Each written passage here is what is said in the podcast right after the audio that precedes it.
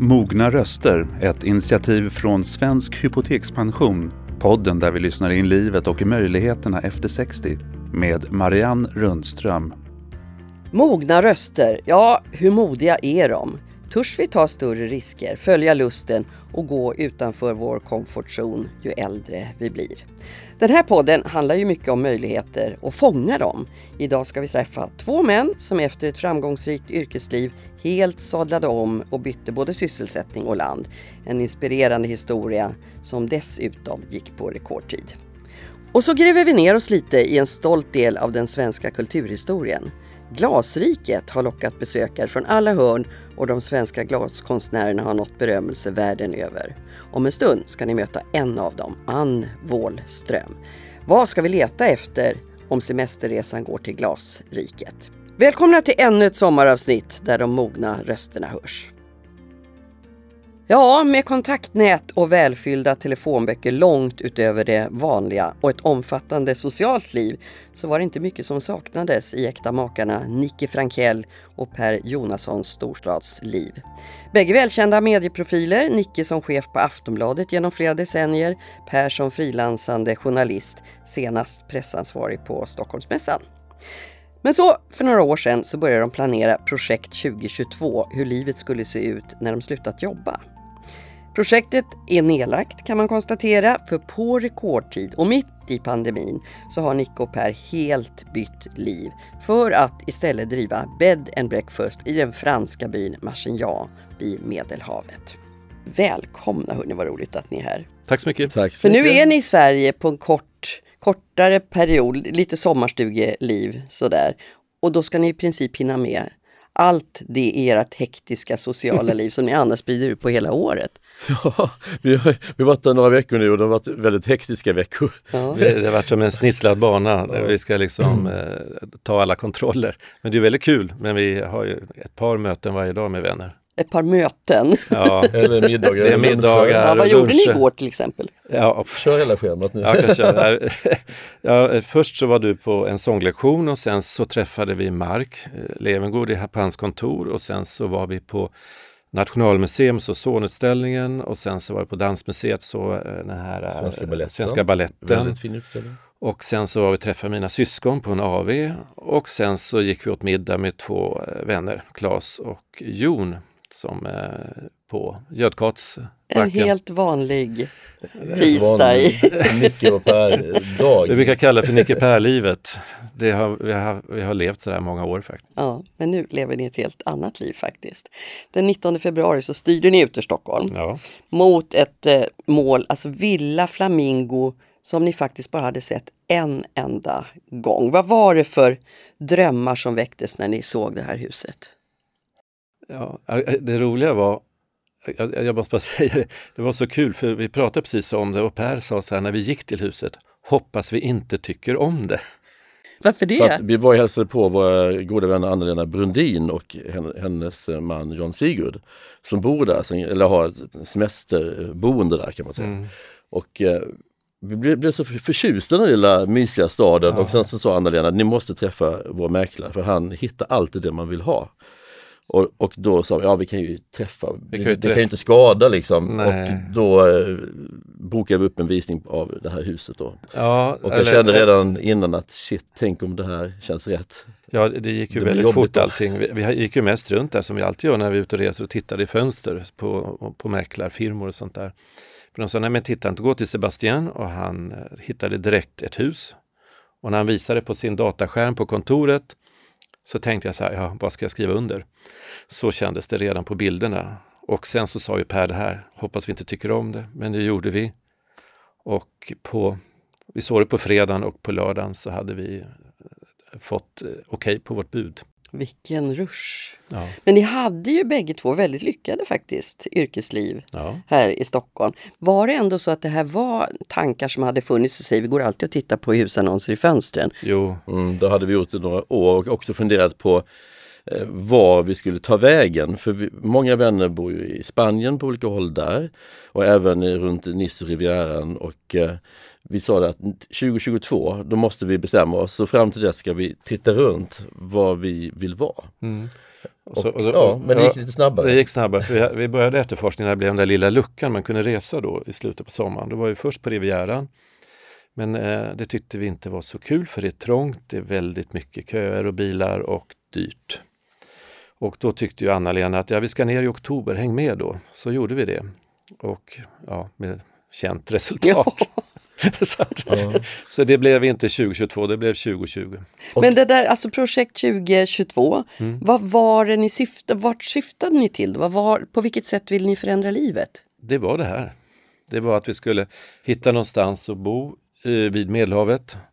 Eh, vad vi hade gjort då när vi bestämde för det här projektet, vi hade flyttat fokus från Spanien till Frankrike. Vi hade varit på en språkkurs i Aix-en-Provence och insåg vilket härligt land det är. Och, ja, vilken härlig mat och, eh, och vår skolfranska väcktes till liv. Alltså vi, vi, insåg att det här kanske ändå är Ja, vi, vi klarar oss på det här. Land. Mm. Men det här handlar alltså om att flytta permanent. Ja. Från Sverige, skriva ut det från Sverige, det mm. fasta boendet mm. är nu i ett annat land. Ja. Ja, vi, vi inte, det, det, är en process att skriva sig i ett annat land så det kommer nog ta några månader till men eh, så småningom så ska det vara så. Mm. Men ni har kvar sommarhuset ja. i Sörmland. Men, men vad är hemma och vad är... Det, ja, vi har väl egentligen två hem för att säga, för vi säger av misstag eller av vana säger men nu ska vi åka hem till Sverige. Men så kom jag på, jag sa häromdagen till Per, ja när vi kommer hem då måste vi gå och göra det och det.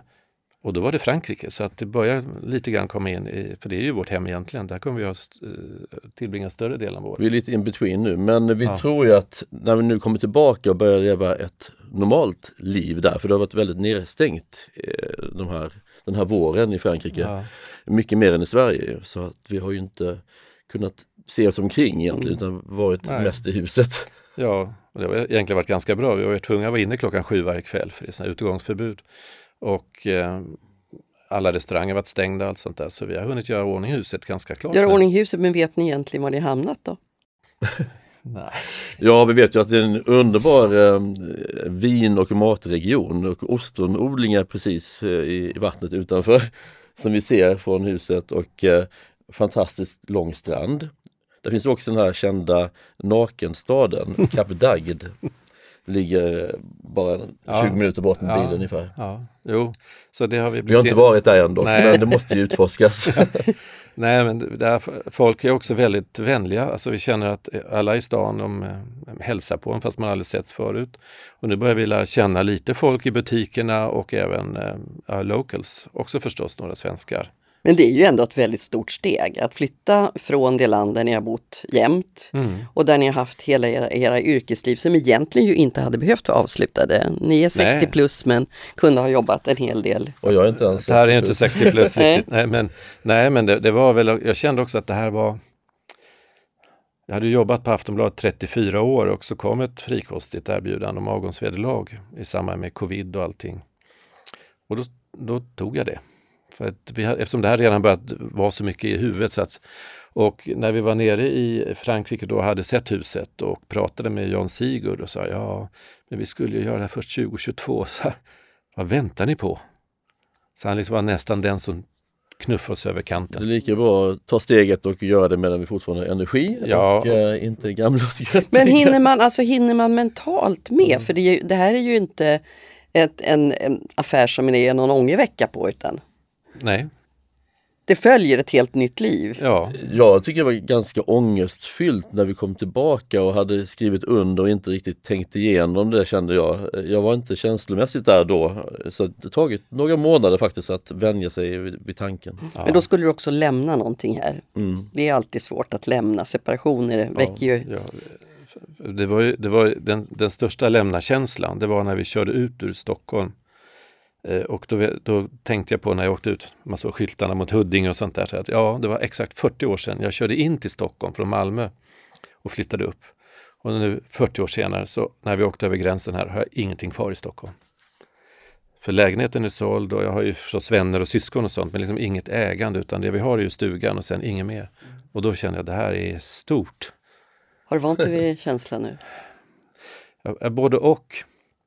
Ibland när jag går runt i huset där så tänker jag det här är- nyper jag mig i armen. Så här, är det här verkligen vårt då? När palmerna vajar och solen skiner och poolen är så blå och fin. Alltså då tänker jag, är det verkligen vårt? Nej men då behöver man ju inte längta efter Mm. Nej. en åtta grader plus dag, Nej. regnig sommardag i, i Stockholm. Men, men när ni sitter vid poolkanten, händer det någon gång att ni längtar tillbaks till någonting här? Något som inte finns där?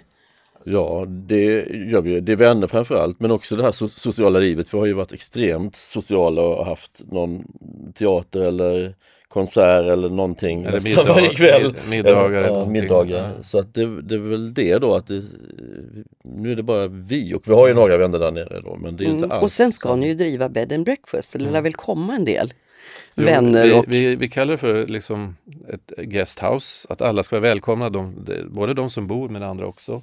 Och det är ju stort, vi har även rum för vänner och sådana som inte är så att säga, betalande gäster.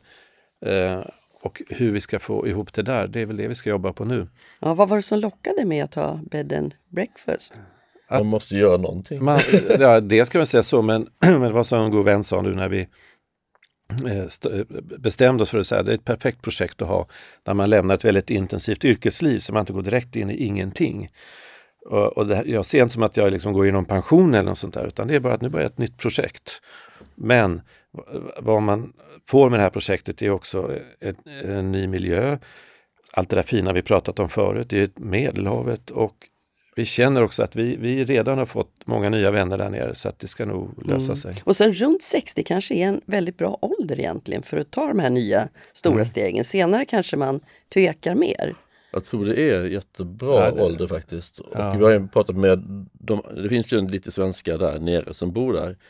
Eh, och de har väl flyttat dit precis i, i samband med pensionen.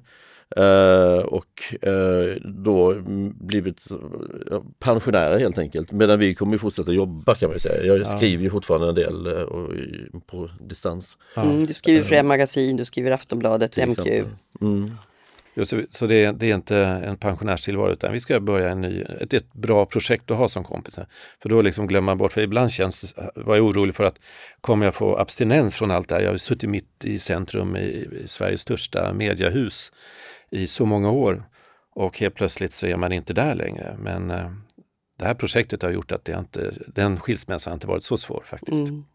Ta oss med då. Ta en morgonpromenad där. Hur ser det ut? Vad ja, möter ni? Det är ju det att man får ju inte falla ihop helt här. Vi har ju gått på mycket, mycket på gym eller så här i Stockholm. Och där har vi sagt att vi måste ju hålla oss i form. Så vi går ju en morgonpromenad varje morgon innan frukost. Eh, bland eh, vinfälten som ligger precis Ja. utanför huset. Och det känns som en skön powerwalk. Ja, man går där och det, det är det är ju så oändliga vidder där. Det är ju inte så bergigt som på Rivieran utan man ser längre bort, man ser i och för sig berg långt bort. Men så kommer man upp på en kulle och så ser man ner mot Medelhavet alla dessa vinrankor som nu börjar bli gröna. Och så glittrar havet och då återigen får man nypa sig i armen igen. Jag tackar. Och så får vi ju gymma lite själva vid poolen. Ja. vi har skaffat lite hantlar och Ja, skivstänger och sådär. ja. Men vi börjar varje dag med det och sen så äter vi faktiskt gröt. Vi har hittat en liten hylla med havregryn där. så att lite grann har vi kvar. Så Ja. att, Och sen pratar ni, ni om, om hövligheten och Mm. att det är en annan kultur ni möter. Märks det när ni går på en sån här promenad till ja, exempel? det var, ja, Berätta. Ja, jag, jag var ute själv en gång och tog en promenad och eh, då hade närliggande skola sån här naturdag. De var ute och gick och plockade blommor och det var massor av elever längs de här stigarna. Och varenda elev reste sig upp och sa bonjour monsieur, bonjour monsieur, bonjour monsieur. Och de stod ja, som vanliga ungar i hoods och sånt där man har eh, kläder. Om jag nu låter gammeldags, men de, de, de var väldigt hövliga. Ja. Och jag var ju tvungen att säga bonjour tillbaks, så det blev en väldigt bonjourande den dagen. Men, eh, Och det är ett väldigt bonjourande överhuvudtaget Ja. i Frankrike. Alltid när man går in i en affär säger man bonjour och eh, eh, alltid när man möter någon på gatan är det antingen bonjour eller bonsoir. Så det är ju det, det är en annan ja, Ja, en annan Trevlig kultur. Ja, det, och sen som sagt att eh, när man är lite äldre, även om jag inte vill tänka att jag är lite äldre, men de säger ju, de vi känner nere att de får ju en annan respekt där än i Sverige. Ja, är det annorlunda att vara lite äldre i Frankrike än det är i Sverige? De upplever det så. Ja, det lilla vi har, har ju också upplevt att man, till exempel om man går till banken eller om man gör sådana här uh, rutinsaker, går till elbolaget eller någonting sånt där, man behandlas med, som, mer som vem som helst. I Sverige har jag en känsla, i alla fall med bankkontakter och sånt, att de är lite grann pekpinniga. Ja, du är du över 60 och du vet sådär. Det tänker de inte ens på där nere, utan de behandlar en som vem som helst. Och, och då, då, som du säger, de vi känner, de säger att det är jättebra, eh, man behandlas jättebra som äldre. Mm. Och inte minst sjukvården är de jättenöjda med.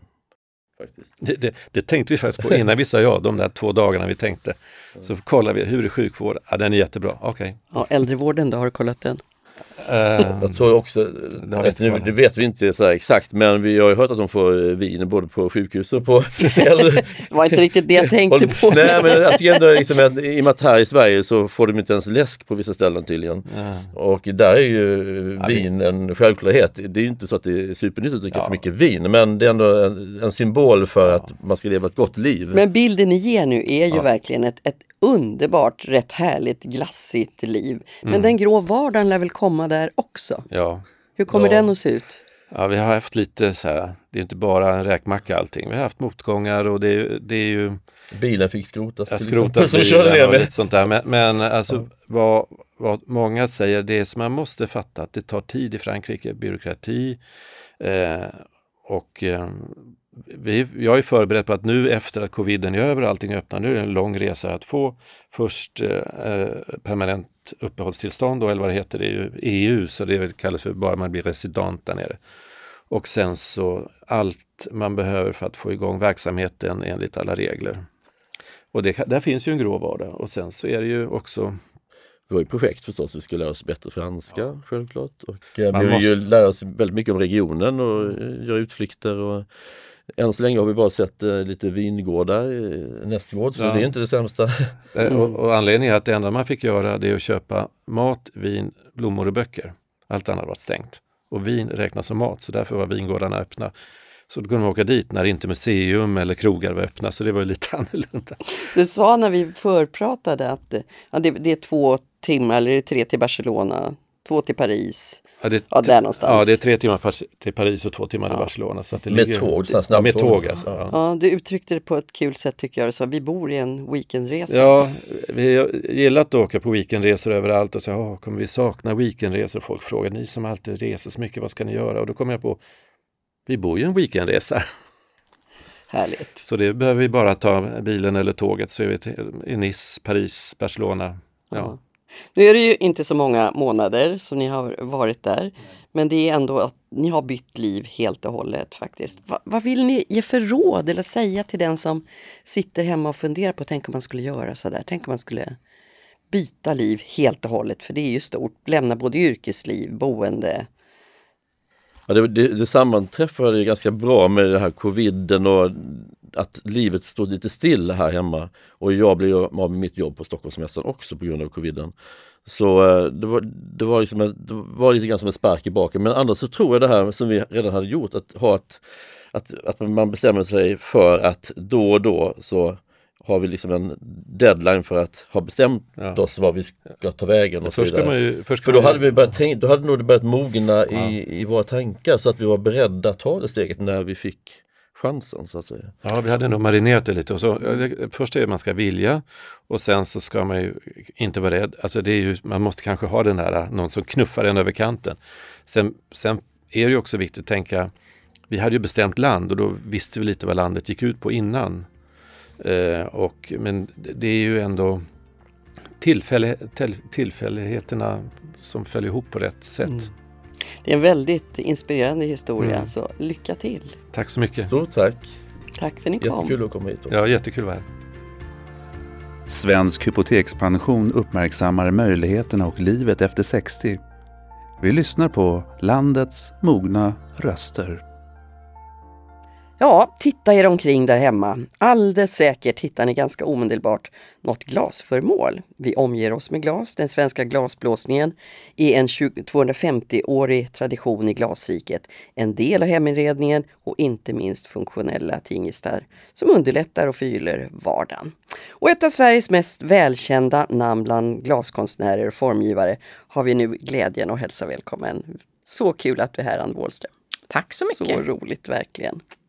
Du har ju varit knuten till Kosta Boda i många decennier faktiskt och är nu frilans och eh, representerad över hela världen. Nationalmuseum till exempel här i Stockholm men också på många stora museer utomlands. Och många känner kanske igen din, din till exempel din, din vas eh, mezzo. Den, den formen och den vasen, den, den finns faktiskt i ganska många svenska hem. Ja, det är roligt att du säger det, för det var min första serie som mm. gick i produktion.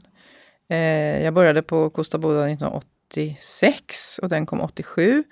Och jag hade ju gjort mig en föreställning att den skulle bli en klassiker. Allting har ju med produktion och priser att göra, så den höll väl i ett par år, men de, de hann göra ganska många och den, ja. den finns faktiskt. Det är många som fortfarande säger, oh, den, den köper jag gärna på loppis eller auktion eller något sånt där. Det är kul tycker jag. Ja, jätteroligt. Men när du började då så tog du dig faktiskt an det kanske allra svåraste materialet att jobba med. Vad var det som lockade eller vad fascinerade dig med det? Jag hade ju hållit på själv då i några år eh, och blåste glas själv. Det var liksom det jag tänkte att så här ska jag jobba och, och eh, utföra mina idéer själv. Och innan dess hade jag varit och nosat på keramik i flera år. Men keramiken är ju ett långsammare material och eh, när jag fick chans att prova glas så var ju det så himla roligt. Men naturligtvis en utmaning att lära sig att blåsa. Ja, en utmaning och ganska mycket krossat glas på vägen. Alltså. Ja. Ska man vara en särskild personlighetstyp för att jobba med, med glas? Jag vet inte, men det passade mig. Jag är, är ganska otålig. Så att det var roligt liksom att se eh, resultatet ganska raskt redan på pipan. Man behövde liksom inte vänta på att bränna keramik i en ugn eller sådär i flera veckor tills det blev klart. Så att på, så, på så vis passade det mig. Plus att man kunde använda så mycket färg i det klara glaset. Det klara glaset kan ju bära vilken färg som helst. Mm. Man kan, man kan eh, dela upp ditt konst eller dela in ditt konstnärsliv i olika perioder eller eller kapitel eller hur man ska uttrycka mm. det. Men kan man också se livserfarenheten i det du gör nu? Att nu har du hållit på nästan ett helt yrkesliv. Ja, det kan man nog säga. Eh, plus att eh, de här, det blev ju två decennier på Kosta Boda. Eh, jag lämnade bruksvärlden då som formgivare 2005 och sen har jag liksom kunnat göra lite andra saker som inte behövde passa i ett sammanhang som kanske passade bruket. Och då kände jag mig egentligen kanske lite friare, men då hade jag ju så mycket erfarenhet att stå på redan. Så att eh, för mig har det ju varit en fantastisk chans att liksom få jobba i den världen och sen kunna utveckla mig själv nu, de mm. senaste mm. men, men vad är 15 åren. Vad, vad, kan du göra av den friheten? Vad, I nyskapande termer liksom? Om det, när du inte är knuten till ett bruk som ställer? Ja, för mig blev det ju ganska eh, tekniskt, eller vad jag ska säga. För att eh, de svenska glasbruken har en hel palett med, med tekniker som man har jobbat med genom alla de där 250 åren. Eh, och sen finns det ju andra länder som gör på andra sätt.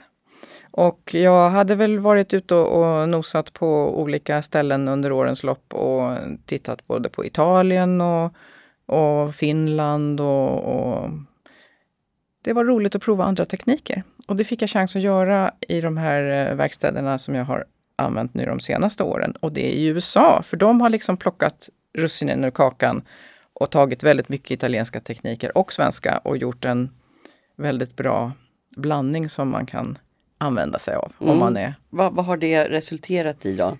Det har resulterat del? i helt andra mönsterbilder på, på mina objekt. Eh, och jag har kunnat leka med traditionella tekniker eh, i och med att jag inte har gjort mina alster i Italien på Murano.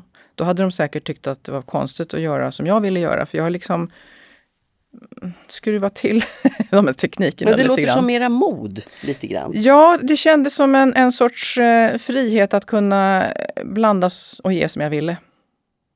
Och kanske då att man har eh, erfarenhet. Mm. Det har varit väldigt roligt de sista åren att, prova nya vägar. Det är bedövande vackert här utanför just nu. Vi spelar in det här i försommartid. Mm. Avspeglar det sig på något sätt? Om du skulle göra glas idag, avspeglar sig en sån här tid på något sätt? Kan, kan det synas i dina, din produktion? Det vet jag aldrig förrän sen. det tar ganska lång tid för mig att liksom, eh, vad ska man säga, eh, processa igenom intryck. Men, men eh, jag jobbar ju ofta så att jag tänker väldigt länge och sen skissar jag och sen börjar det liksom ta form. Men eh, de här eh, alstren som jag har jobbat med på senare år, de har ju varit väldigt eh, påverkade av naturen på ett sätt, men, men kanske mera hav och strand och, och stenar och tång. Och, Det var ju en fantastisk utställning som hette Stones and Vessels. Mm. Och där du har beskrivit hur du tog intryck av promenaderna Mm. längs gotländska stränder. Det är den här droppformen som är så oerhört mycket ditt signum faktiskt. Väldigt ja, mycket. dels den och sen de här eh, mönstren som liksom är lite flytande. Men, men går det att beskriva den processen från att du går där vid stranden och eh, intrycken kommer till dig och hur det sen återspeglas i glaset? Ja, det är svårt att sätta ord på det för att eh, det är väl det som hela det går ut på. Att man inte riktigt vet hur det går till. Men eh, som jag sa då så, så börjar jag ju skissa. Jag skissar i, i eh, vattenfärg eh, på ganska blött papper så att allting liksom flyter ihop lite grann.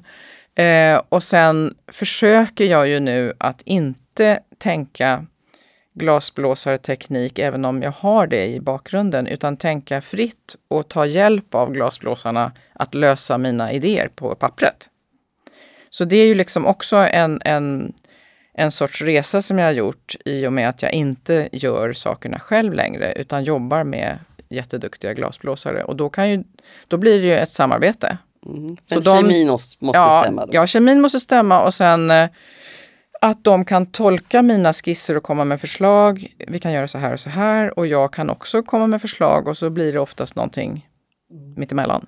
Nu pratar vi om naturen som inspiration, men det pågår ett liv där utanför. Jag tänker klimathotet till exempel, att man oftare och oftare kan man se just i glas att det står eh, återvunnet glas.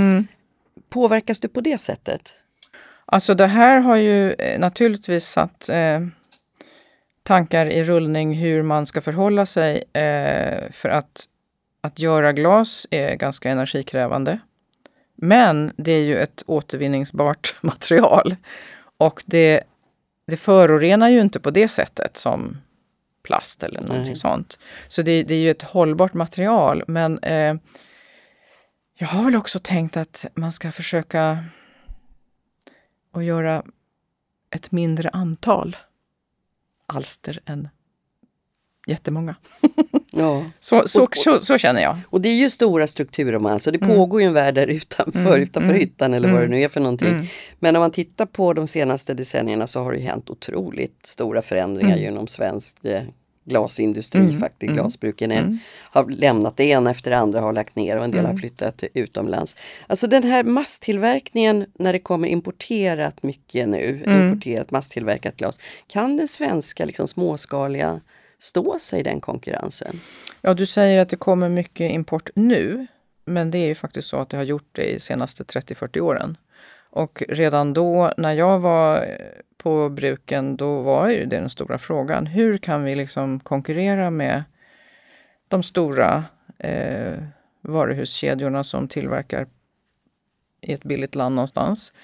Och det tycker jag faktiskt att man kanske inte ska göra, utan då får man hitta andra objekt att satsa på som är mera hantverksmässiga. Och det är ungefär som att, att tänka en handstickad tröja jämfört med en maskinstickad. Liksom. Alltså man måste verkligen, tror jag, sätta sig ner och tänka vad man vill göra och just eh, inte konkurrera med, med de här jättefabrikerna. Eh. För det kan vi inte här. Nej men vad skiljer svensk glas från det mesta importerade? ja, det som skilde var ju hantverksskickligheten. Och eh, det var ju alltid ett dilemma för att de sakerna blir ju väldigt dyra och då blir det liksom, jaha, vem kan köpa dem? Och eh, hela den här frågan. Men eh, vi har ju sett vad som har hänt med all svensk konstindustri. Det gäller både textil, porslin och glas. Att vi har inte kunnat stå oss mot de stora drakarna. Mm. Och då har man varit tvungen att, att, tänka om och tänka mindre och kanske tänka med högre höjd på design och eh, hantverksskicklighet. Men det är ju ingen lätt grej. Men kan ett vanligt öga se de här skillnaderna eller måste man vara i, i branschen som du är? Det är det som är det svåra. Det var ju den stora nöten att knäcka, hur man förklarar vad som är skillnaden på ett handgjort vinglas och ett maskintillverkat. Och det är väldigt svårt att se ibland. Mm. Vad ser du framför dig då? Vad innehåller det svenska glaset och din egen framtid? Jag tror att det innehåller mycket småskalighet och mm, det är jätteroligt vad som håller på att hända nu med nya eh, konstnärer och formgivare som tar saken i egna händer och eh, jobbar småskaligt med, med mindre hyttor. Så att det, det är inte så att allt håller på att dö. Det är det faktiskt inte. Och eh, Kosta Boda har ju en fabrik kvar som är i full swing. Eh, men det är, det är ett generationsskifte eh, och det är jätteroligt att se vad som håller på att hända nu för att det är väldigt många unga säger jag då, som är 60 plus, men de kanske är 25-30 som gör jättespännande saker och, och hittar sätt att göra dem. Vad skiljer? Vad gör de som inte jag du tror att de, de, tar ut svängarna mycket och hittar egna kanaler att, att eh, visa sig på. Gallerier och eh, kanske mindre konstnärskollektiv som kanske inte ser ut som de där kollektiven gjorde på 70-talet. Utan det är nytänk som är, är väldigt spännande. Men det var väl du också? När du var i den åldern? Jo, det var jag ju på ett sätt. Eh, men då fanns det ju en industri att gå till. Det gör det ju inte nu. Så nu måste man liksom inte uppfinna hjulet, men, men eh, ja, mm. göra själv. Alltså glasriket har ju varit och är väl kanske delvis, det finns ju som du sa fortfarande delar kvar, men varit så här oerhört populära semestermål mm, mm, att mm. resa till. Många samlar på glas, många letar efter glas. Mm. Efter, vi, vi, vi, kan ta Inga Roman till exempel mm. som har varit med här i podden. Erik Höglund, Ulrika Widman mm. Wallin mm. förstås. Mm. Eh, vad, vad, tycker du att man ska ha ögonen på när man åker runt på loppisar, auktioner eller Glasriket? Ja, jag trodde faktiskt aldrig att jag skulle säga det här, men jag säger faktiskt slipade små vinglas och mindre ja, likörglas och sånt där. Alltså det finns ingen som kan göra det längre. Och jag var inte ens förtjust i slipat glas när jag kom till Kosta Boda. Tyckte det var väldigt soffigt och mormors gamla skålar. Men alltså om man hittar fint slipade små vinglas eller andra glas så tycker jag man ska satsa på det. Jag undrar om det där är en åldersfråga för jag älskar också slipade vinglas nu för tiden. Mm. Och det har jag verkligen inte gjort tidigare. Nej men det är ett sån, en sån hantverksskicklighet så att eh, det, det, finns liksom inte på kartan längre. Det finns mm. ingen som kan göra de där små mini eh, eh, ja, mönstren på en kupa som behöver inte vara liksom sönderslipat som det kallades när det, var så mycket mönster på så att man inte kunde titta på dem. Men... Och vad ligger närmast för dig när det hela drar igång igen? För nu har det ju varit nedstängt och utställningar som har ställts in. Och... Mm. Eh, nu är det att ladda nytt. Eh, och jag hoppas kunna komma iväg och jobba ihop en ny eh, kollektion. Eh, och då skulle det i så fall bli en utställning i USA som jag aldrig har haft nu på sista, jag vet inte, sen när? 80-talet.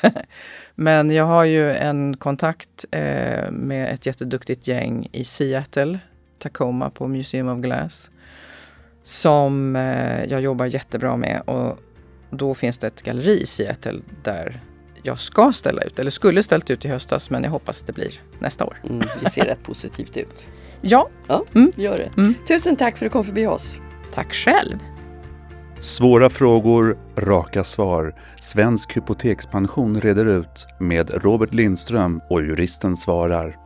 Ja, då ska vi som vanligt avsluta dagens avsnitt med ett juridiskt spörsmål som Robert Lindström från Fenix Juridik ska reda ut åt oss. Välkommen! Tack! Ja, du, man kan ju vara aldrig så noga med att skriva viktiga papper men det händer ju saker och ting under tidens gång också. Erik och Astrid som vi har fått brev från idag, de har varit gifta i flera decennier och Astrid skriver att de var noga med att skriva testamentet redan tidigt i sin, sitt äktenskap. I början av testamentet, skriver Astrid, finns formuleringen undertecknade äkta makar.